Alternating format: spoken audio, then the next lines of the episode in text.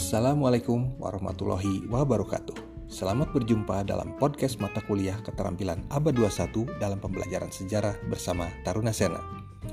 Mata kuliah ini merupakan mata kuliah pilihan yang diberikan untuk membekali calon guru sejarah sebagai persiapan menjadi guru di era digital.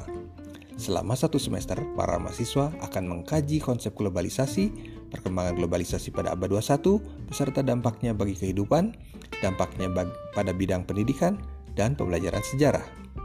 Bagaimana menjadi guru sejarah di abad 21? Perkuliahan ini berorientasi pada keaktifan mahasiswa selama pembelajaran melalui interaksi belajar mengajar di kelas, pengkajian informasi dari berbagai sumber, diskusi kelas, diskusi kelompok, mengerjakan LKM, melaksanakan evaluasi diri, mahasiswa, dan dosen selama proses perkuliahan.